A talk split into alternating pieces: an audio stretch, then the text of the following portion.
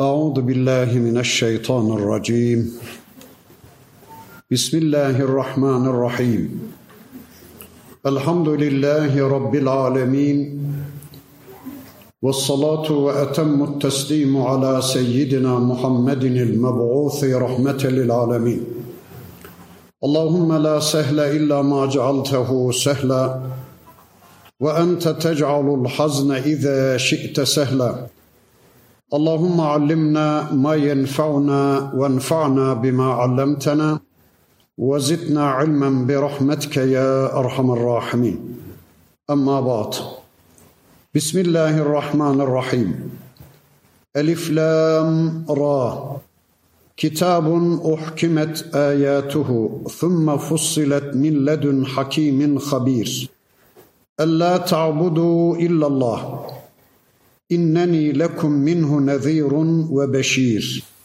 İla ahiril ayat. Sadakallahul azim. Muhterem müminler, okuduğumuz bu ayetler kulluk kitabımız Kur'an-ı Kerim'in Hud suresi diye bilinen bir suresinin ayetleri. İnşallah bu hafta bu Suriye misafir olduk. Bakalım bize neler ikram edecek, bize hangi şerefli bilgileri sunacak. İnşallah birlikte okumaya başlıyorum. Elif, Lam, Ra. Dinleyin şu anda Allah konuşuyor. Bu sözler Allah sözüdür. Bu söz insan sözüne, bu söz alim sözüne, fazıl sözüne, amir sözüne, müdür sözüne benzemez. Sakın ha içinizden birilerinin sözünü dinleyip de çöpe attığınız gibi ya da kulak ardı ettiğiniz gibi benim sözlerimi de öyle dinlemeye kalkışmayın. Allah konuşuyor olarak dinleyin, iman etmek üzere dinleyin, yarınki hayatınızı düzenlemek üzere ciddi bir biçimde dinleyin diye sure başlarında Rabbimiz böyle bir dikkat çekmede bulunur. Kitabun bir kitap ki, bir yazgı ki ohkimet ayatuhu ayetleri tahkim edilmiş, ayetleri kuvvetlendirilmiş. Thumma fussilet min ledun hakimin habir sonra hakim ve habir olan hayata hakim olan yaptığı her işi hikmetle yapan ve de her şeyden haberdar olan Allah tarafından uzun uzadıya açıklanmış, tafsilatlı bir biçimde ortaya konmuş bir kitaptır bu. Ohkimet ayatuhu ayetleri tahkim edilmiş, tıpkı yedi kat sema gibi, ay gibi, güneş gibi, yıldızlar gibi ayetleri sağlam bir biçimde yerleştirilmiş bir kitaptır bu. Yedi kat semayla oynayabilir misiniz? Yıldızların yerlerini değiştirebilir misiniz? Güneşi kaldırıp onun yerine ondan daha güzel bir şey koyabilir misiniz? Allah'ın ayetleri, Allah'ın kitabı da tıpkı onlar gibi tahkim edilmiştir. Allah'ın ayetleriyle asla oynayamazsınız. Bir ayetin yerini değiştiremezsiniz.'' Tıpkı gökteki yıldızlar gibi, yedi kat sema gibi, ay gibi, güneş gibi ayetleri tahkim edilmiş, sağlam bir biçimde yerleştirilmiş bir kitaptır bu. Bir ayeti kaldırıp onun yerine ondan daha güzelini koyamazsınız. Allah'ın ayetlerini asla ezip bozamazsınız. Allah'ın ayetlerini asla tahrif edemezsiniz. Yerinden ığratamazsınız.'' Kalpte olan, kabulde olan, levh-u mahfuzdan dünya semasına yansıyan bir kitabın ayetleridir bu. Peki Allah bu kitabı niye göndermiş? Bakın bundan sonraki ayeti kerimesinde Rabbimiz onu şöylece ortaya koyar. Ella ta'budu illallah. Sadece Allah'a kulluk edesiniz diye, sadece Allah'ı dinleyesiniz diye, sadece Allah'ın çektiği yere gidesiniz, sadece onun beğenisine bir hayat yaşayasınız, sadece onun yasalarını uygulayasınız diye Allah bu kitabı indirmiştir. Ella ta'budu illallah. Bu ayeti kerimeden anlıyoruz ki bu kitap kulluk kitabıdır. Bu kitaba kulluk kitabı gözüyle bakmak zorundasınız. Bu kitapta tarihi bilgiler var ama bu kitap hiçbir zaman bir tarih kitabı değildir. Bu kitapta fizik var ama bu kitap hiçbir zaman bir fizik kitabı değildir. Bu kitapta coğrafi bilgiler var ama bu kitap hiçbir zaman bir coğrafya kitabı değildir. Bu kitapta ahlak kuralları var ama bu kitap hiçbir zaman bir ahlak kitabı değildir. Bu kitap kulluk kitabıdır. Eğer bu kitaba kulluk kitabı gözüyle bakarsanız, eğer kulluğunuzu bu kitap eşliğinde belirlemeye yönelirseniz, bu kitap size esrarını açacaktır. Bu kitap size bilgilerini sunacaktır. İnneni lekum minhu nezirun ve beşir ve ben de diyor sevgili peygamberimiz Allah tarafından size gönderilmiş bir müjdeci ve uyarıcıyım. Bu kitabın pratiği, bu kitabın tebyini, bu kitabın müfessiri olan Hazreti Muhammed Aleyhisselam bakın kendi misyonunu bu ifadeleriyle ortaya koyuyor. Ben size Allah tarafından gönderilmiş bir müjdeci ve uyarıcıyım. Ey Allah kulları, Allah sizden istediği kulluğu en güzel bir biçimde benim şahsımda örneklemiştir. Bana bakın ben nasıl namaz kılıyorsam siz de öylece namaz kılın. Bana bakın ben hanımlarımla nasıl bir ilişki içindeysem siz de hanımlarınızla öylece diyalog kurun. Bana bakın ben komşularımla nasıl bir diyalog halindeysem gece hayatım nasılsa fikrim, zikrim, tesbihim, tehlilim, cihadım nasılsa siz de beni izleyin. Eğer beni izlerseniz, beni takip ederseniz, kullukta beni örnek alırsanız ben sizi yaşadığınız bu hayatın sonunda güzelin güzeli bir cennetle müjdeliyorum. Eğer beni takmadan, beni kazımadan, beni dikkate almadan, benim sünnetimle diyalog kurmadan örnekliğime müracaat etmeden keyfinize göre bir hayat yaşarsanız sizi dayanılmaz bir azapla, dayanılmaz bir cehennemle de uyarıyorum. Ve en istağfiru rabbakum bir de ey Allah kulları Rabbinize istiğfar edin. Thumma tubu ileyhi sonra ona yönelin, ona tevbe edin. Yumetti'kum meta'an hasenen ila ecelin musamma ecelleriniz doluncaya kadar adı belli miatleriniz doluncaya kadar Allah size bu dünyada güzel bir hayat yaşatsın. Size nimetlerini bolca sunu versin. Ve yu'ti kullezî fadlin fadle ve her bir fazilet sahibine de Allah faziletini versin. Yani farzların dışında kim ki fazla ibadet işler, nafilelerle Allah'a yaklaşmaya çalışırsa Allah da ona fazlaca versin.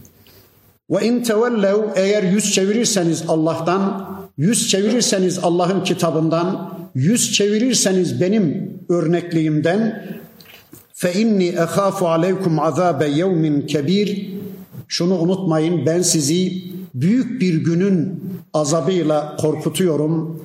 Ben sizin adınıza büyük bir günün azabından korkuyorum. Evet ne dedi sevgili peygamberimiz? Ve en istagfiru rabbakum. Ey Allah kulları Rabbinize istiğfar edin. Thumma tubu ileyhi. Sonra ona tevbe edin. Dikkat ederseniz bu ayeti kerimede tevbe ile istiğfar aynı anda zikredildi.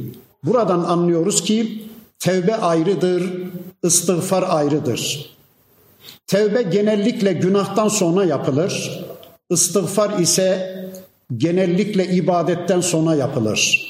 Yani bir insan bir günah işler, tevbe ya Rabbi bir daha işlemeyeceğim diye tevbe eder.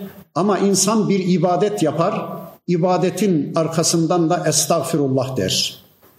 Ne demek bu? Bir kişinin kabahatını affettirme, eksiğini tam kabul ettirme çabasının adına istiğfar denir. Bir iki örnek vereyim. Sevgili peygamberimiz her bir namazın akabinde sağa sola selam verdikten sonra üç defa Estağfirullahel azim, Estağfirullahel azim, Estağfirullahel azim der ve bunu çevresindeki sahabesine de tavsiye ederdi. Öyleyse bizler kıldığımız ister nafile ister farz fark etmez. Her bir namazın arkasından sağa sola selam verdikten sonra üç defa estağfirullah, estağfirullah, estağfirullah diyeceğiz. Ya biz günah mı işledik? Biz namaz kıldık. Niye estağfirullah diyoruz? Ha bunun anlamı şudur. Ya Rabbi şu benim kıldığım namaz tam bir namaz, mükemmel bir namaz olmadı. Peygamberin kıldığı gibi yüzde yüzlük bir namaz olmadı.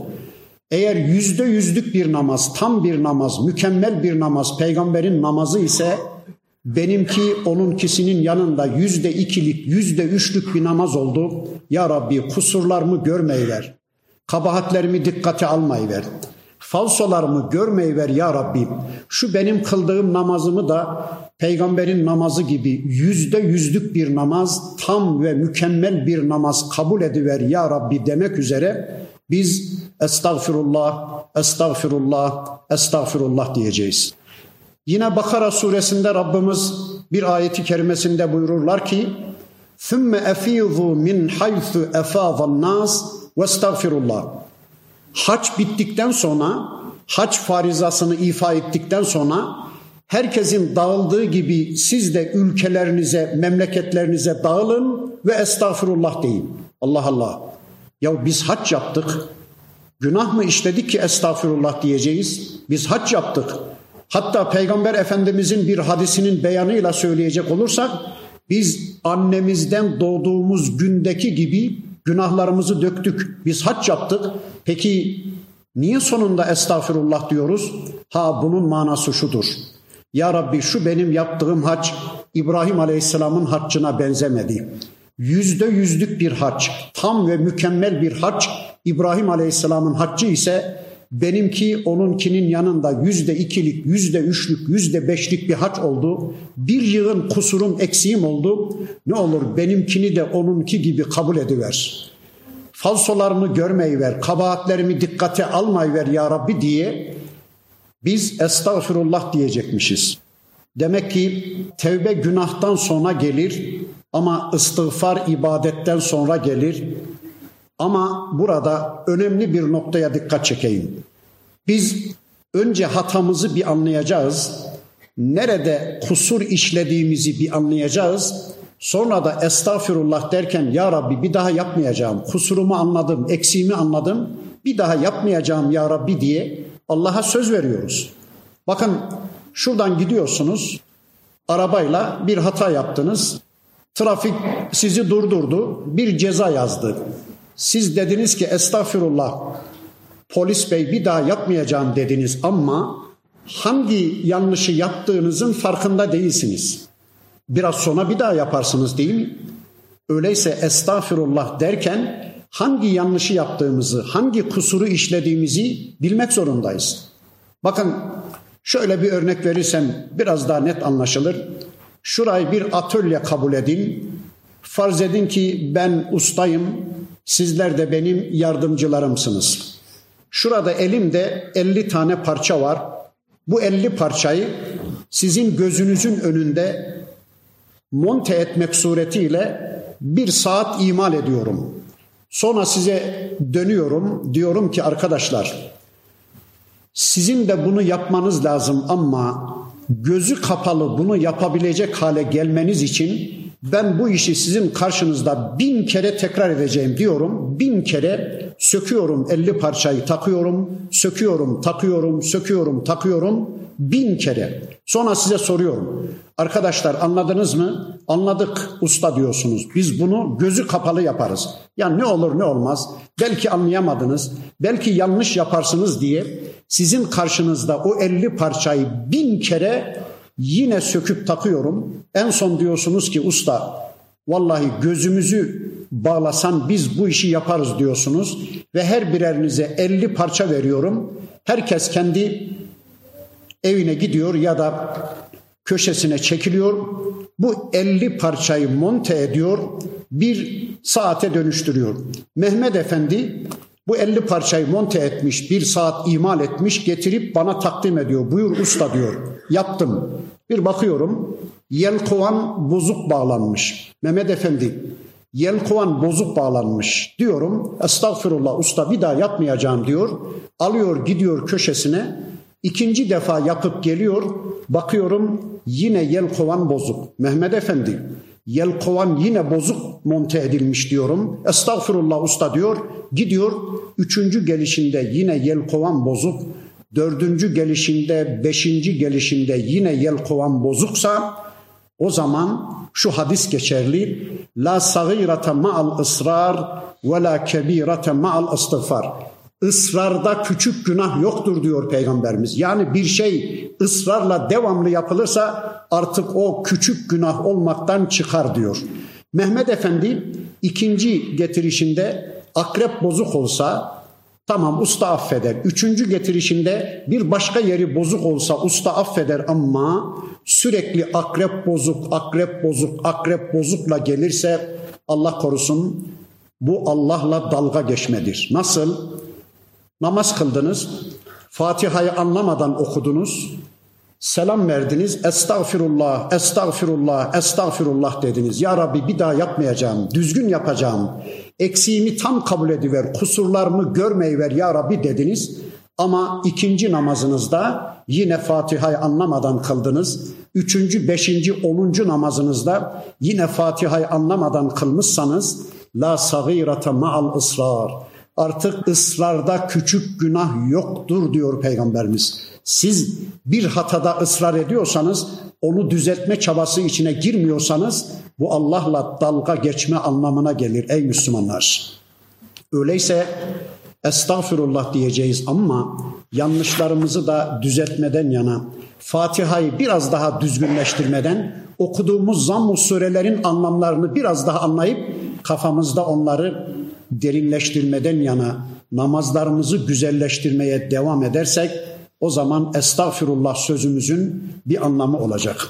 Diyor ki Peygamber Efendimiz ve en istagfiru rabbekum Rabbinize istiğfar edin. Thumma tubu ileyhi sonra ona tevbe edin de yümetti'kum meta'an hasenen ila ecelin müsemma böylece Allah size bu dünyada nimetlerle dop dolu, nimetlerin farkına ere ere, nimetlerin zevkini tada tada güzel bir hayat yaşatsın. Bakın şeytan ve dostlarının dediğinin tam tersini söylüyor Allah'ın bu ayeti. Şeytan ve dostları ne diyorlar? Efendim Müslümanca bir hayat yaşarsanız belki cennette onun mükafatını karşılığını görürsünüz ama dünyanızı zehir zindan edersiniz. Müslümanca bir hayat yaşayacağım diye keyfinize keder getirirsiniz. Kimi zevklerden kendinizi mahrum edersiniz. Dünyada sıkıntı içinde bir hayat yaşarsınız. Kim diyor bunu? Şeytan ve dostları. Allah ne diyor ya? Eğer Rabbinize istiğfar eder, her an güzel Müslümanlık yaşamadan yana bir tavır alır, işlediğiniz günahlardan da pişmanlık duyup tevbe ederseniz, yani Müslümanca bir hayata yönelirseniz, Allah bu dünyada size nimetlerin tadına vara vara çok güzel bir hayat yaşatsın diyor. Demek ki Müslümanca bir hayatın neticesi cennette mükafat var ama sadece onunla yetinmiyor Rabbimiz. Dünyada da bize çok hoş, çok güzel bir hayat yaşatacağını vaat ediyor. İlallahi merci'ukum siz bilirsiniz. Şunu unutmayın dönüşünüz Allah'adır. Ve huve ala kulli şeyin kadir. O Allah her şeye kadir olandır. Her şeyi kadir olandır. Her şeye güç getirendir ve her şeyi takdir edendir. Her şeyin ölçüsünü ve ölçütünü koyandır. Mirasın ölçüsünü koyan Allah'tır. Kılık kıyafetin ölçütünü, ölçüsünü vaz eden Allah'tır. Hukukun ölçüsünü koyan Allah'tır. Eğitimin ölçütünü vaz eden Allah'tır. Sosyal ve siyasal yapılanmanın ölçütünü koyan Allah'tır. Ve huve ala kulli şeyin kadir. O Allah her şeyi takdir eden, her şeyin ölçüsünü koyandır ve de o Allah her şeye kadir olandır. Evet, siz bilirsiniz dönüşünüz Allah'adır. Allah'a gidiyorsunuz. Attığınız her adım, aldığınız her nefes sizi biraz daha Allah'a yaklaştırıyor. Öyle değil mi? Doğan her insan ölmek için doğuyor. Doğan her güneş batmak üzere doğuyor. Gündüz gecenin peşinde, gece gündüzü kovalıyor. Her şey bu dünyada fanidir. Hepimiz ölüme doğru gidiyoruz. Ölümden kaçıyoruz belki ama attığımız her adım bizi Rabbimize biraz daha yaklaştırıyor. Yarın Rabbimizin huzuruna gideceğiz. Onun değer yargılarına boyun bükeceğiz ve ona teslim olacağız. Ela dikkat edin. İnnehum yethnûne sudûrahum şu Mekke müşrikleri göğüslerini eğip büküyorlar. Li yestahfu minhu kendilerini ondan saklamak için. Buradaki saklanan şey ya Kur'an'dır ya da yukarıda Peygamber Efendimiz'den söz edildi ya ya da Peygamber Efendimiz'dir. Bakın Allah diyor ki şu Mekke müşrikleri ey peygamberim seninle karşı karşıya gelmemek için senin sözlerini duymamak için sanki eğilip bükülüyorlar, göğüslerini eğip büküyorlar. Tıpkı hırsızlık bir malı insanlar görmesin diye bedenini sanki eğip bükerek üstüne sanki kalkan gibi bedenini üstüne örtüp örtbas ederek hırsızlık bir malı, çalıntı bir malı saklamak isteyen bir hırsız gibi ey peygamberim şu Mekkeliler kendilerini senden saklamaya çalışıyorlar. Seninle karşılaşmamak için göğüslerini eğip büküyorlar, bir şeylerle bürünüyorlar. Karşıdan Peygamber Efendimiz çıktığı zaman şu yine bizi tanıyıp da ahiretten filan söz etmesin. Cennetten, cehennemden söz edip bizim iştahımızı kaçırmasın. Şu bizi tanıyamasın da çekip gitsin diye elbiselerle üzerlerini örtüyorlar. Elbiseleriyle başlarını, yüzlerini örtüyorlarmış. Niye? Peygamber bizi tanıyamasın da çekip gitsin. Bizim iştahımızı kaçıracak bir takım şeylerden söz etmesin. Onu dinlemek zorunda kalmayalım diye. Evet Mekke müşrikleri böyle yapıyorlardı. Ama günümüz Müslümanları da Mekke müşriklerinin yaptığının aynısını yapıyorlar. Bir şeylerle bürünüyorlar peygamberle kendi aralarına, Kur'an'la kendi aralarına bir şeyleri kalkan yapıyorlar, siper yapıyorlar ve kendilerini peygamberden ve Kur'an'dan saklamaya çalışıyor günümüz insanları. Nasıl? Kimileri diyorlar ki efendim tamam ben de okumak zorundayım bu Kur'an'ı, ben de anlamak zorundayım. Ben de Peygamber aleyhisselamın hadislerini öğrenip topluma aktarmak zorundayım ama benim doktora tezim şu anda profesörlerin masasının üstünde. Benim geleceğim onların iki dudağının arasında. Ne yapayım? Eğer ben de Kur'an ve sünnet anlatmaya başlarsam doktoram suya düşer, doçentliğim suya düşer, diplomam suya düşer diyor kimileri. Ne yaptı bu adam? diplomasını, doktorasını, doçentliğini Allah'ın kitabının ve peygamberin sünnetinin önüne kalkan yaptı, siper yaptı. Onlarla büründü ve Allah'ın kitabına ve peygamberin sünnetine gitmedi. Bir başkası, efendim biz zaten İslam'a hizmet eden bir cemaatin içindeyiz. İslam'a hizmet eden bir partinin içindeyiz. Zaten şu anda İslam'a hizmet ediyoruz. Ayrıca bir de Kur'an okumaya, bir de sünnet öğrenmeye ne gerek var? Zaten İslami hizmetlerin içindeyiz. Ne yaptı şimdi bu? Cemaat felsefesini, parti felsefesini Kur'an'ın ve sünnetin önüne kalkan yaptı, siper yaptı ve kendini Kur'an'dan ve sünnetten güya sakladı, örtündü, büründü. Bir başkası tamam efendim biz de okuyacağız Kur'an ama ben Arapça bilmiyorum. Ben ilahiyat mezunu değilim. Ben İmam Hatip'te okumadım. Ben mektep medrese görmedim. Ben nasıl anlayayım Kur'an'ı? Ne yaptı şimdi bu adam? Arapça bilmeyişini, ilahiyattan ya da İmam Hatip'te mezun olmayışını kalkan yaptı, siper yaptı. Onunla büründü, örtündü ve Allah'ın kitabına kendisini götürmedi. Peygamber aleyhisselamın hadislerine kendisini götürmedi. Bakın Kur'an'ı bilmek için Kur'an bilmek gerekir. Arapça bilmek gerekmez. Önceki derslerimde de söyledim. Tamam Arapça bilirseniz iyidir ama Arapça bilen herkes Kur'an biliyor değil ki. Şu anda 500 küsür Müslümanı idam kararıyla şehit etmeye hazırlanan şu Araplar Arapça biliyor mu zannediyorsunuz? Kur'an biliyor mu zannediyorsunuz? Hayır hayır. Sosyalist Araplar, komünist Araplar eğer onlar gerçekten Kur'an'ı bilmiş olsalardı komünist olmazlardı, sosyalist olmazlardı. Öyleyse Arapça bilen herkes Kur'an'ı biliyor demek değildir. Nice marangoz, nice kaportacı, nice kunduracı kardeşim var ki şu anda inanın o Araplardan yüz kere daha fazla Kur'an'ı biliyorlar. Niye? Çalışıyorlar, gayret ediyorlar, öğrenmeye çalışıyorlar. Öyleyse Arapça bilmek gerekmiyor. Bir başka Müslüman grup diyor ki, efendim bizim Efendi Hazretlerinin kitabı aynen dini anlatıyor. O da dini anlatıyor. O başka bir şey anlatmıyor ki. Hatta bizim Efendi Hazretleri dini Allah'tan daha güzel anlatır.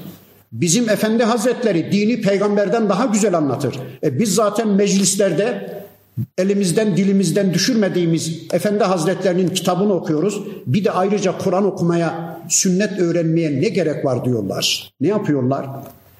O kitapları Allah'ın kitabının önüne, peygamberin sünnetinin önüne kalkan yapıyorlar, siper yapıyorlar.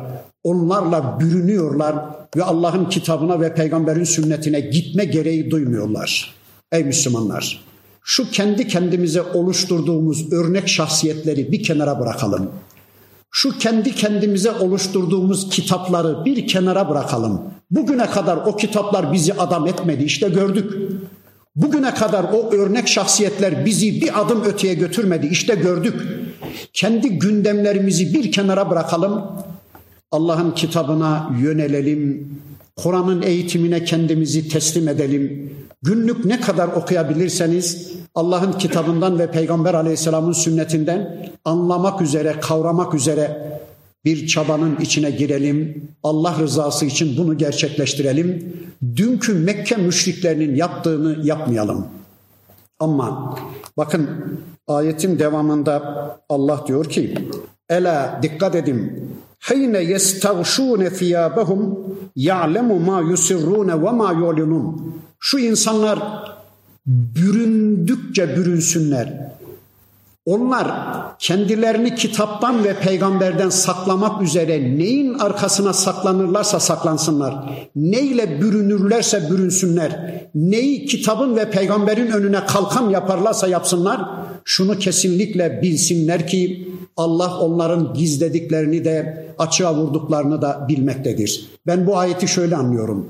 Şunu bilsinler ki bu kitaptan saklanmaları mümkün değil peygamberden gizlenmeleri mümkün değil.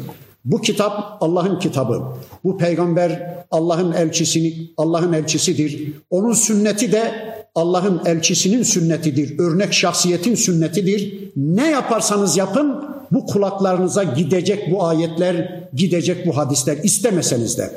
Bakın 1980'li yıllarda Konya'da birkaç arkadaş ya bırakalım şu başka kitapları da bir Kur'an öğrenelim ve topluma Kur'an anlatalım diye bu işe başladığımızda bize neler neler demediler. Bunlar mezhepsiz mi demediler? Bunlar İrancı mı demediler? Bunlar tarikat düşmanı mı demediler? Ya bunlar kim ki Kur'an diyorlar, kim ki sünnet diyorlar? Nereden anlayabilecekler bunlar Allah'ın kitabını? Nereden anlayabilecekler bunlar peygamberin ne demek istediğini diye aleyhimizde demediğini bırakmadılar ama yıllar geçti. Bizim anlattığımız samimi Müslümanların anlattığı Kur'an onların kulağına da gitti. Onların beynine gitti. Böylece bir gün onlar da bu işe başlamak zorunda kaldılar ve özür dilemek zorunda kaldılar. Burada aklıma bir örnek geldi. Mekke müşrikleri bir karar vermişler. Demişler ki ya Mekke'deki insanları kaybettik. Her bireri Muhammed Aleyhisselam'la iletişim kurdu. Her bireri Müslüman oldu. Hiç olmazsa Mekke'nin dışındakileri bu işten kurtaralım diye taşladan gelenleri Muhammed Aleyhisselam'la irtibat kurmalarını engelleyelim diye Mekke'nin giriş kapılarına ağzı laf yapan insanları yerleştirmişler. Edipleri, şairleri, hakimleri yerleştirmişler. Abdullah diye bir zat var, bir kabilenin reisi. O diyor ki bir iş icabı Mekke'ye girmek üzereydim. Baktım ki Mekke'nin kapısında Kalbur üstü insanları gördüm. Mekke'nin ulularını gördüm. Beni karşıladılar ve dediler ki Abdullah Mekke'ye mi gireceksin? Evet dedim. Dikkat et Mekke'de bir insan çıktı. Adı Muhammed'dir. Evladı babaya, babayı evlada düşman yaptı. Karıyla kocanın arasını açtı. Kardeşi kardeşe düşman etti. Kim onunla iletişim kurmuşsa delirdi, kafayı yedi. Abdullah ailene deli olarak dönmek istemiyorsan, sağ salim dönmek istemiyorsan sakın Mekke'ye girince o adamı dinleme, onun sözlerine kulak verme diye öyle ciddi anlattılar ki neredeyse diyor dönmeyi bile düşündüm. Ya kafayı yemektense döneyim bari girmeyeyim Mekke'ye dedim. Sonra kendi kendime dedim ki ya ben çocuk değilim, ben deli de değilim. Aklı başında diye beni kavmin başına reis yapmışlar. Ben kabile reisiyim. Ben şiiri bilirim, ben sihiri bilirim, ben kehaneti bilirim, ben hak sözü bilirim, doğruyu bilirim. Niye kaçayım? Ama yine de korktuğum için diyor kulaklarıma sertçe pamuk tıkadım. Mekke'ye öyle girdim diyor. Hatim bölgesinde baktım ki birisi bir şeyler okuyor. Galiba Muhammed dedikleri budur diye ayaklarımın parmaklarının ucuna basa basa hızlıca kaçmak istedim. Ama ben her kaçtıkça, her adım attıkça onun okuduğu ne olduğunu bilmediğim sözler benim kulağımdaki pamuğu deliyor.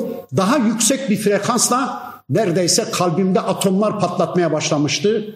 Artık daha çok kaçmanın anlamsızlığını anladım diyor. Döndüm geldim.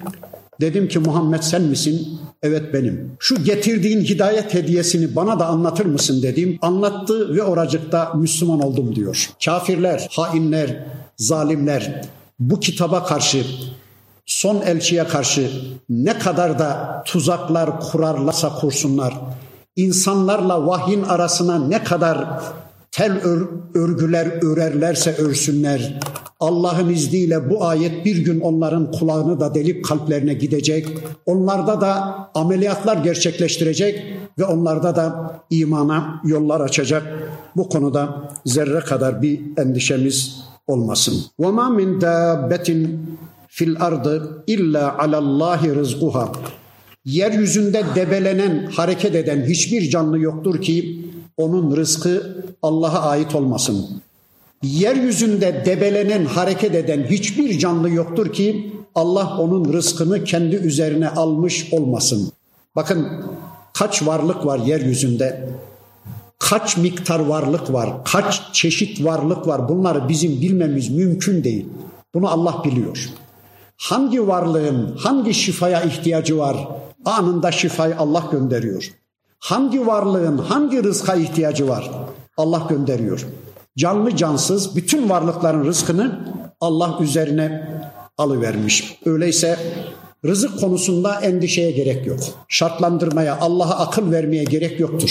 Ya Rabbi beni şununla imtihan etmeliydin. Bana şu kadar vermeliydin demeye gerek yok. Sana ne kadarı hayırlıysa seni azdırmayacak, saptırmayacak ve seni isyana sevk etmeyecek ölçüde Allah sana vermiştir. Öyleyse rızık Allah'a ait ey Müslümanlar. Bu konuda zerre kadar bir endişeniz olmasın.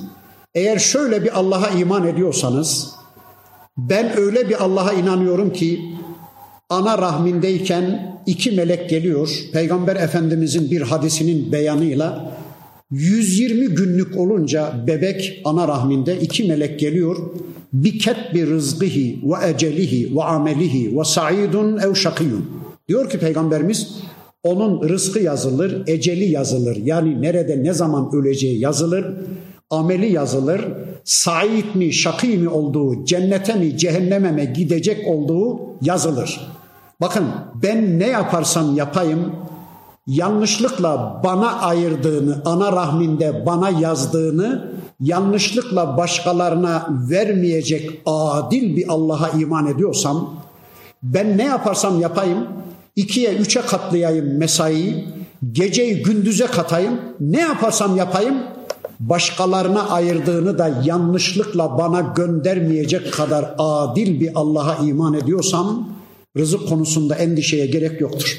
Rızık Allah'a aittir. Bu konuda kimsenin endişe etmesine gerek yoktur.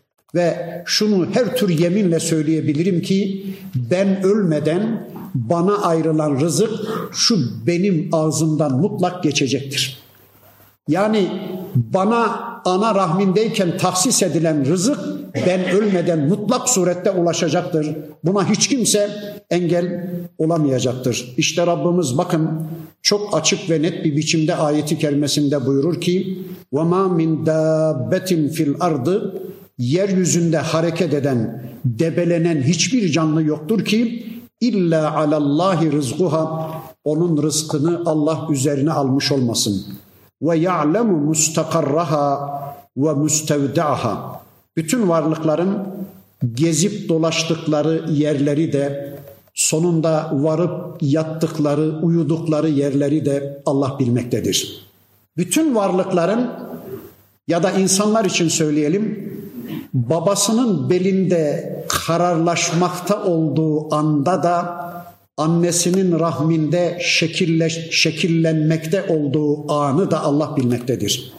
Ya da her bir insanın yaşadığı, gezip dolaştığı yerleri de sonunda gideceği cennet ya da cehennem yerleşim birimlerini de Allah bilmektedir. Çünkü kullun fi kitabin mubin her şey apaçık bir kitapta yazılmıştır. Levh-u mahfuzda yazılmıştır. Kader olarak belirlenmiştir. Ve huvellezî o Allah ki halakas semavati vel arda fi sitteti eyyamin gökleri ve yeri altı günde yarattı. Ve kana arşuhu alel ma'i ve Allah'ın arşı da suyun üzerindeydi. Evet Allah'ın arşı suyun üzerindeyken gökleri ve yeri Allah altı günde yaratmıştır. Bu altı gün şu bizim bildiğimiz 24 saatlik bir altı gün değil. Altı dönem mi? Altı aşama, altı evre mi?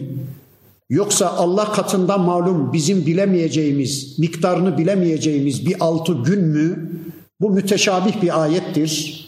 Gaybi bir konudur. Aynen bu şekilde iman ediyoruz. Çünkü yaratılış öncesine ait bir gün. Biz bir gün diye niye diyoruz? Dünya güneşin etrafında bir kere döndü mü ona bir gün diyoruz. Ama o gün daha dünya da yok, güneş de yok, ay da yok, yıldız da yok, insan da yok. Hiçbir varlık yokken o döneme ait bir altı gün ve Rabbimizin arşı da o dönem suyun üstündeymiş. Nasıl anlayacağız? Onu da anlamamız mümkün değil. Ancak şu kadarını söyleyebilirim. Ve kulle şeyin minel ma'i hay. Biz her bir şeyi sudan yarattık diyor ya. Belki de sadece su vardı o gün. Tüm varlıkları Allah o sudan yaratmıştır bilmiyoruz. Sadece iman ediyoruz. Bu konuda kim ne derse desin hiçbirisine de inanmayız. Zaten yaratılışla alakalı bu konuda söz söyleyenler vahiy diskalifiye ederek kitabı ve sünneti devre dışı bırakarak izaha girdikleri için zaten onların sözlerine itibar edilmez. Gaybi bir konudur, müteşabih bir ayettir. Bizden sadece iman isteyen bir ayettir. Böylece iman ediyoruz. Bakın sanki Allah diyor ki siz bu konunun üstüne yoğunlaşmayın. Sizin bunu bilmeniz mümkün değil. Öylece iman edin ama siz şunun üstünde yoğunlaşın. Eğer tartışacaksanız, eğer kafa yoracaksanız şunun üstünde yoğunlaşın diye bakın Allah diyor ki liyebluvekum eyyukum ahsenu amela. Peki Allah bu gökleri yeri altı günde niye yaratmış? Bu alemi Allah niye yaratmış? Sizin hanginiz ahsen amel işleyecek, hanginiz en güzel ameli işleyecek? İşte onu ortaya çıkarmak için Allah gökleri ve yeri altı günde yaratmıştır. İşte yoğunlaşacağımız konu budur. Gökler niye varmış? Benim imtihanım için. Yeryüzü niye varmış? Benim imtihanım için. Sizler niye varsınız? Benim imtihanım için. Ben niye varım? Sizin imtihanınız için. Öyleyse bu alemi Allah imtihan için yaratmış. Allah beni imtihan ediyor. Şu anda hepimiz imtihandayız. Hangimiz en güzel ameli işleyecek? Allah onu ortaya çıkarmak için gökleri ve yeri yaratmıştır. Aslında bizi yaratmadan da bizim hangi amelleri işleyeceğimizi, sait mi, şakî mi olacağımızı, cennete mi, cehenneme mi gideceğimizi Allah biliyordu. Ana rahmindeyken 120 günlük iken geliyor iki melek ve amelihi ve saidun ev şakiyun. bizim işleyeceğimiz tüm amelleri yazıyor. Bizim sait mi, şakî mi, cennetlik mi, cehennemlik mi olduğumuzu yazıyor. Allah biliyor. Peki bizi niye yarattı? Yaratmadan kimimizi cennete, kimimizi cehenneme gönderseydi o zaman cehenneme gidenlerin itirazı olurdu. Ya Rabbi beni denemedin, beni dünyaya getirmedin. Ne biliyorsun? Belki de ben hayatta olsaydım Müslümanca bir hayat yaşayacak, salih ameller işleyip cenneti kazanacaktım diye insanların böyle bir itiraz hakları kalmasın diye bizi vicdanlarımızla karşılaştırmak için bizi bizimle karşılaştırmak için Allah bizi dünyaya getiriyor. Değilse Allah bizi yaratmadan da bizim ne yapacağımızı, nasıl bir hayat yaşayacağımızı bilmektedir. Ve la in kulte sen desen ki ey peygamberim innekum meb'ûthûne min ba'dil mevti sizler ölümlerinizden sonra diriltilip hesaba çekileceksiniz desen le yekulennellezîne keferu Kafirler örtüp örtbas edenler derler ki in hâzâ illa sihrun mubin bu ancak apaçık bir sihirden başka bir şey değildir. Dirilişe sihir diyorlar. Dirilişten söz eden Peygamber Efendimiz'e sihirbaz diyorlar. Dirilişten söz eden Kur'an'a sihirbaz diyorlar. Bugünün kafirleri de, dünün kafirleri de aynı şeyi söylüyorlar. Siz onu bizim külahımıza anlatın. Biz öldükten sonra dirilişe asla inanmayız demeye çalışıyorlar. Allah da diyor ki bakın وَلَاِنْ اَخَّرْنَا عَنْهُمُ الْعَذَابَ Eğer onlardan azabı biraz tehir etsek ila ummetin mağdude belli bir vakte kadar bir dönem onlardan azabı tehir etsek, geciktirsek le yekulunne derler ki ma yahbisuhu bu azabı tutan nedir? Niye azap gelmiyor? Allah'ın günü Allah'la çatışma içinde bir hayat yaşıyoruz. Allah içki yasak diyor, su gibi içiyoruz. Allah zina haram diyor, elbiseyi giyip çıkarma gibi zina ediyoruz. Allah'ın yasak dediklerinin tümünü icra ediyoruz. Allah'ın emirlerinin hiçbirisinin yakın semtine uğramıyoruz. Yani Allah'la kavgalı bir hayatın adamı olduğumuz halde hani niye şu ana kadar Allah kendini bize bir göstermedi? Hani niye Allah'tan bir azap gelmedi? Siz onu bizim külahımıza anlatın. Allah da yok, azap da yok demeye başlayıverirler. Halbuki Allah acele etmez ki kimilerinin azabını bu dünyada, kimilerinin azabını öbür tarafta verir. Yani bu dünyada Allah birilerine azap etmeyince kurtuldun mu zannediyor? Allah'ın huzuruna gidiyor. Kaldı ki zaten bu dünyada hesap masası henüz kurulmadı. Hesap masası öbür tarafta kurulacak. Ela dikkat edin. Yevme ye'tihim o azap onlara geldiği gün, geldiği zaman leyse masrufen anhum. Artık o azap onlardan asla defedilmez. O azap onlardan asla geri çevrilmez. Ve haqa bihim ma kanu bihi yestehziun ve alaya alıp durdukları ahirette onları çepeçevre kuşatmıştır. Alaya alıp durdukları cehennem onları çepeçevre kuşatmıştır. Ve le in ezeknel insane minna rahmeten Biz insana katımızdan bir rahmet tattırsak ثُمَّ نَزَعْنَاهَا minhu Sonra ondan onu çekip alsak. Mesela önce bir sağlık verdik, sonra çekip alıverdik. Önce bir hanım nimetini tattırdık ona ya da bir koca nimetini tattırdık sonra onu ondan alıverdik, öldürüverdik. Önce bir zenginlik verdik insana, sonra verdiğimiz serveti geri alıverdik. Onu fakir kılıverdik. Bakın diyor ki Rabbimiz, innehu leyeusun kefur. Şu insan bütün ümitlerini yitirmiş bir nankör, bir kafir kesili verir. Allah Allah. Ya veren de Allah, alan da Allah. Ne oluyor? Bütün ümitlerini yitirir, bir nankör kesili verir. Bir ara bir hoca efendi hastalanmış duyduk. Bir arkadaşla beraber ziyaretine gittik. Baktık yatıyor. Biraz güçlü kuvvetliydi. Erimiş. Hastalık onu inceltmiş. Yatıyor dermansız. Geçmiş olsun hocam. Ne var ne yok filan dedik. Bir şikayete başladı. İşte böbreklerim bitmiş dedi. Ben öldüm, ben bittim, ben tükendim. Başladı şikayete. Hocam bir dakika dedim. Sen kaç yaşındasın? 77. Peki o böbrekler sana 77 yıl hizmet verdi mi? Verdi. Peki geçici bir süre birkaç aylığına Allah onu senden alıverdi diye niye şikayet ediyorsun? Serzenişte bulunuyorsun. Kralın birisi vezirini imtihan etmek istemiş. Sadakatini denemek istemiş. Demiş ki bana üç tane Ebu Cehil karpuzu cırtatan filan denir, acı kelek filan denir ya ondan bulun gelin demiş kral. Bulmuşlar gelmişler aman uzağa koyun diye şöyle masasının uzağına koydurmuş. Biliyorsunuz o zehir gibi acıdır. Sonra vezirini çağırmış. Vezir demiş buyurun efendim beni sever misin? Efendim şüpheniz mi var? Benim her dediğimi yapar mısın? E, yapmadım mı şimdiye kadar efendim endişeniz mi var deyince vezir demiş şunlardan birisini al bir ye bakalım. Almış vezir ağzının suyunu damlatırcasına büyük bir iştahla onu yemiş. Kral hayretler içinde. Vezir demiş bir de şunu ye ya. İkincisini uzatmış almış ağzından bal damlatırcasına. Onu da yemiş. Kral hayretler içinde ya vezir demiş acı değil mi?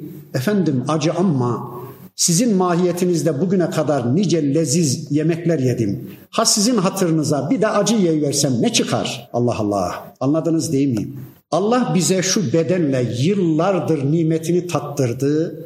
Gözümüzü, böbreğimizi geçici bir süre alıverdi diye niye isyan edeceğiz de Niye ümit inkisarına uğrayıp bir nankör kesileceğiz de bakın ayetin devamında Allah diyor ki وَلَاِنْ اَذَقْنَاهُ نَعْمَاءَ بَعْدَ ضَرَّاءَ مَسَّتْهُ Kendisine dokunan bir kötülükten sonra biz ona bir nimet tattırsak, fakirdi, zenginleştiriversek, hastaydı, sağlığını veriversek, bekardı bir kadın, bekardı bir koca nimetini ona tattırıversek, le yekulenne der ki zehebe seyyiatu anni kötülükler benden gitti. Tüm olumsuzlukları def ettim. Tüm kötülükleri üzerimden kovdum. Kim yaptı? Kendisi yaptı. Kafamı kullandım, aklımı kullandım, ben becerdim. Tüm olumsuzlukları üzerimden kovdum. İnnehu le ferihun fakhur ferih ve fehur kesili verir. Allah'ı diskalifiye edip kendisini tanrılaştırıverir. Ben yaptım, ben ettim demeye başlayıverir. Ya iyi de madem ki bu sağlığı sen buldun, hasta olmamayı niye beceremiyorsun? Sağlığını niye koruyamıyorsun? Madem ki bu gençlik senden, peki niye ihtiyarlıyorsun da gençliğini koruyamıyorsun? Eğer bu güzellik sendense Niye zamanla güzelliğini kaybediyorsun? Eğer bu servet sendense niye bir dönem kaybediyorsun? Eğer bu hayat sendense niye ölüyorsun? Hayatını niye koruyamıyorsun? Hayır hayır. Veren de Allah, alan da Allah. Allah'ın vermesi ayrı bir imtihan, alması ayrı bir imtihan. Bir Müslüman böyle düşünmez. Sevgili peygamberimiz diyor ki bakın bir hadislerinde Müslümanın işine şaşılır. Her hali Müslümanı için hayırdır her tavrı Müslüman için bereketlidir. Bir bela gelir, bir musibet gelir. Allah bir dönem onu sevmediği cinsten bir şeylerle imtihan eder, sabreder, mükafat kazanır. Bir iyilik gelir, bir başarı gelir, bir zenginlik gelir, bir servet gelir, bir sağlık, sıhhat gelir. Bu sefer de şükreder. Elhamdülillah ya Rabbi senden geldi der. Yine mükafat kazanır. Müslümanın haline şaşılır diyor. Her haliyle Müslüman sevap kazanmaya namzettir diyor sevgili peygamberimiz. Allah da diyor ki bakın illellezine saberu ancak sabredenler bunun dışındadır. Ve amilus salihati salih amel işleyenler bunun dışındadır. Sabır neydi? Her şart altında Allah'a kulluğu sürdürmektir. Fakirken de zenginken de, hastayken de sağken de, hapisteyken de dışarıdayken de, zayıfken de güçlüyken de her şart altında Allah'a kulluğu sürdürebilmektir. Geri adım atmayı, durmayı aklının ucundan bile geçirmeden her ortamda Müslüman kalabilmenin, Müslümanca ölebilmenin, kavgasını gerçekleştirmenin adına sabır denir. Bakın Allah diyor ki sabredenler bunun dışında ve amilus salihati salih amel işleyenler bunun dışındadır. Ulaike lehum mağfiratun ve ecrun kebir. Böyleleri için bir örtme, örtbas etme var. Allah onların kusurlarını örtü verecek. Falsolarının üstünü örtü verecek. Günahlarının üstünü örtü verecek. Bir de ve ecrun kebir gerçekten çok büyük bir ücret var. Çok büyük bir mükafat var. Peygamber Efendimiz'e yönelik bir ifade geliyor. Felealleke neredeyse ey peygamberim tarikum terk edeceksin. Bazı ma yuha ileyke sana vahyettiğimiz ayetlerin bir kısmını neredeyse terk etmeyi düşünüyorsun. Vazaikum bihi sadruke göksün daralıyor, ruhun bunalıyor.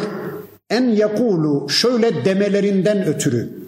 Levla unzile aleyhi kenzün madem ki bu Muhammed bir peygamberdir Allah ona hazineler vermeli değil miydi?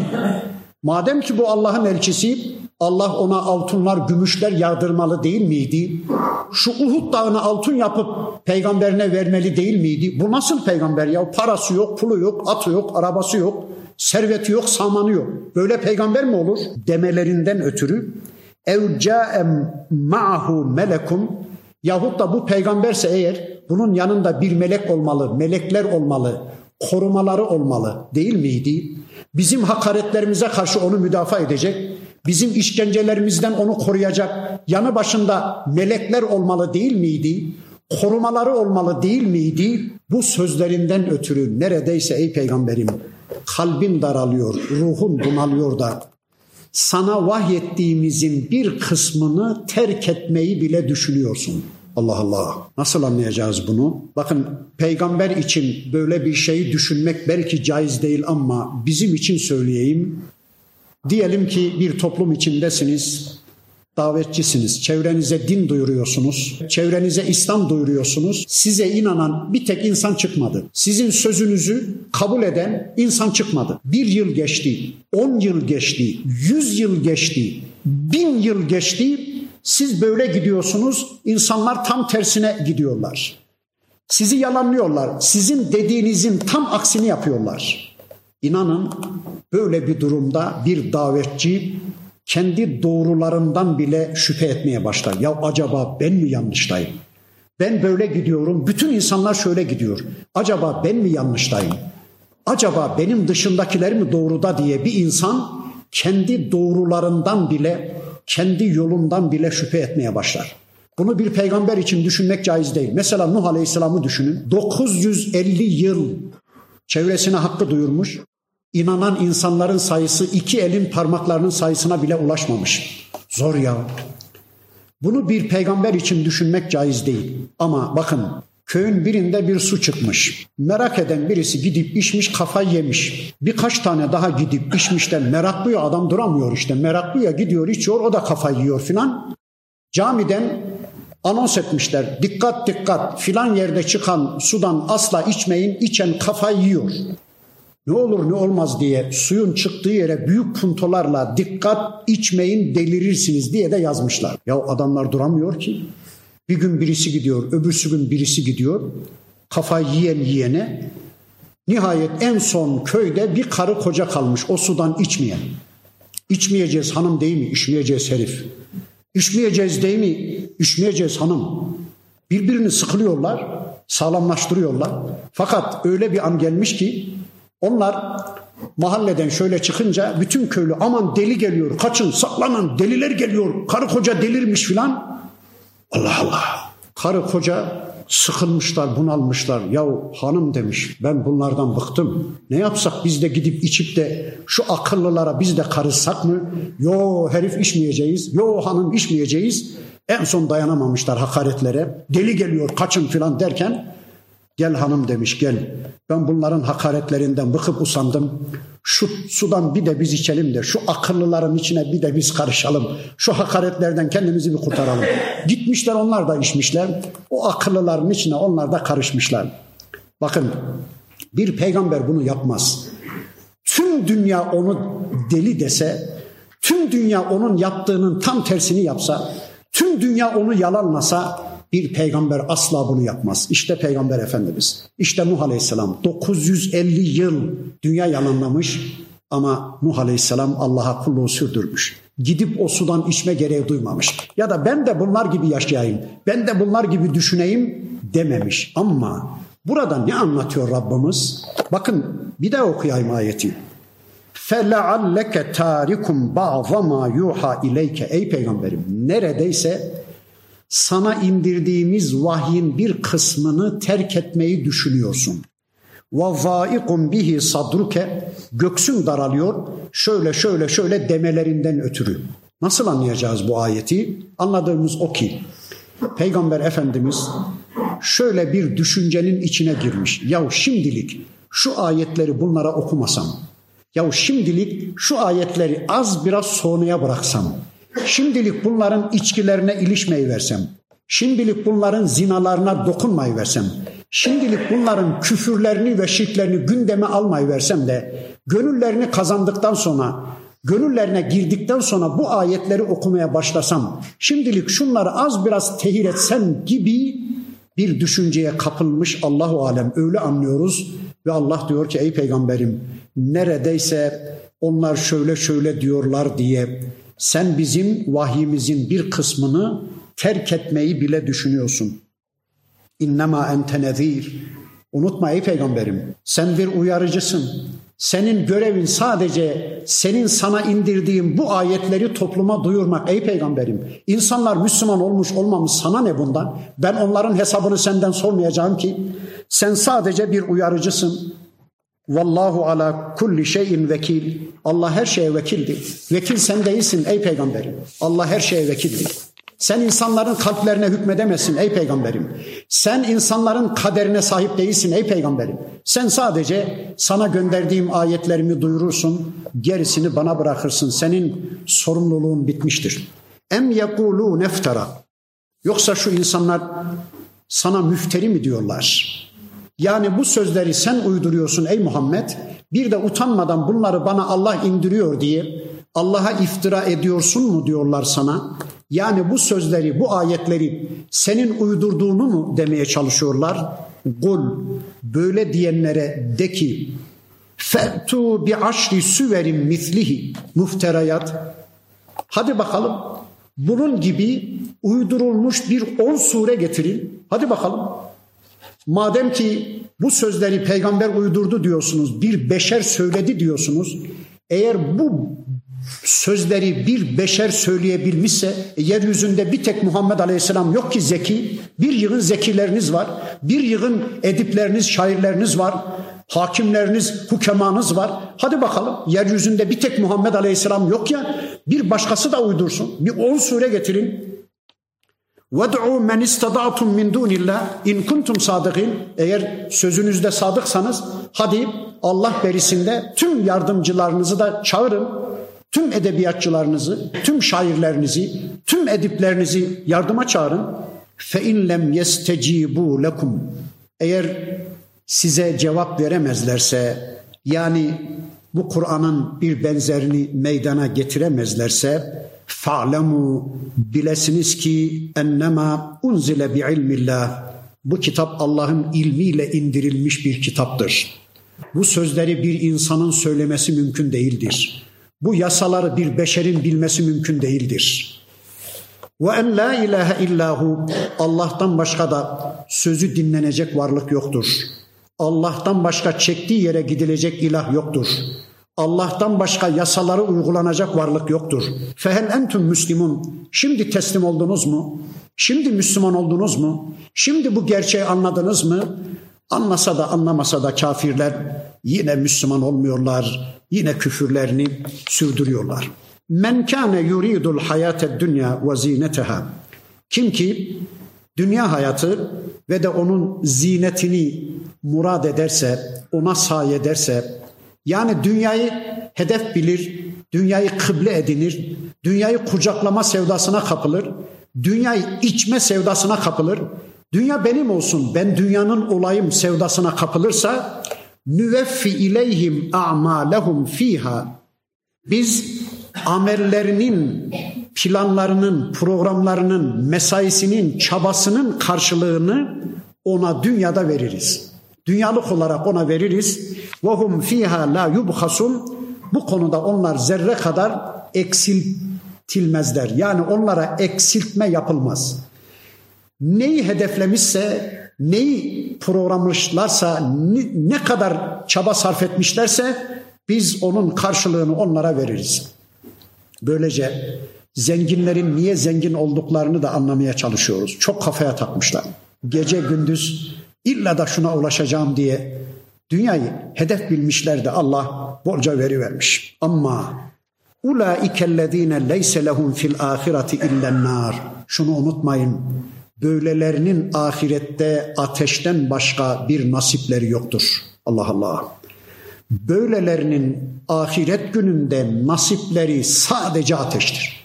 İstemem ya Rabbi böyle bir dünyayı. Bana ahireti unutturacak, bana namazı unutturacak, bana senin kitabınla ilgilenmeyi unutturacak, bana senin peygamberinin sünnetine gitmeyi unutturacak dünya malını istemem ya Rabbi. Bana ateş kazandıracak, ateşten başka hiçbir nasibi yoktur dedirtecek bir dünya malını ben istemem ya Rabbi. Müslüman böyle demeli. Eğer dünya pazarı bir kişiye ahireti unutturmuşsa, eğer bir kişi dünyayı hedeflemiş de namazı bile unutacak, Kur'an ve sünnet öğrenmeyi bile ihmal edecek bir konuma gelmişse, o dünya ve dünyalıklar onun Allah korusun belasıdır. Efemen kana ala beyinetin min rabbihi söyleyin Rabbinden bir beyine üzere olan kişi yani hareket noktası vahiy olan kişi yani istinatgahı yani dayanağı vahiy olan bir kişi ve yetluhu şahidun minhu yine Allah'tan bir şahidin kendisini izlediği bir kişi. Bir insan düşünün ki vahiy ile hareket ediyor. Bir de Allah'tan bir şahit de o kişiyi izliyor. Yani o kişiyi tasdik ediyor. Allah'tan şahit kim? Kur'an. Kur'an peygamber efendimizi tasdik ediyor. Kur'an peygamber efendimizi izliyor. Onun söylediği her bir sözü, onun ortaya koyduğu her bir eylemi, her bir fiili Kur'an tasdik ediyor. Ve min qablihi kitabi Musa imamen ve rahmeten. Bir de daha önce imam ve rahmet olarak Musa Aleyhisselam'ın kitabı da onu izliyor ya da ona şehadet ediyor. Musa Aleyhisselam'ın kitabı Tevrat da onu tasdik ediyor. Musa Aleyhisselam'ın kitabı Tevrat'ta Peygamber Efendimizin geleceğinin müjdesi vardı. İsa Aleyhisselam'ın kitabı olan İncil'de de min ismuhu Ahmet bizzat Peygamber Efendimizin ismi de zikredilerek onun geleceğine dair bir müjde vardı. İncil'de Tevrat'ta Muhammed Aleyhisselam'ı tasdik ediyor. Ulaike yu'minune bihi şu Müslümanlar da ona iman ediyor. İşte o günün Müslümanları, bugünün Müslümanları ona iman ediyor. Başka şahide ne gerek var? Ey yeryüzü insanlığı. Kur'an şahit, Allah şahit, Tevrat şahit, İncil şahit, Müslümanlar onun elçiliğine şahitken daha ne şahit ararsınız siz? Bu durumda وَمَنْ يَكْفُرْ bihi minel ahzabi şu hiziplerden, şu gruplardan ki hizipler denince Yahudi ve Hristiyanları anlıyoruz birinci planda. Kim onu küfreder, inkar ederse, kim Muhammed Aleyhisselam'ı küfrederse fennaru mev'idu onun vaat yeri, onun randevu yeri ateştir.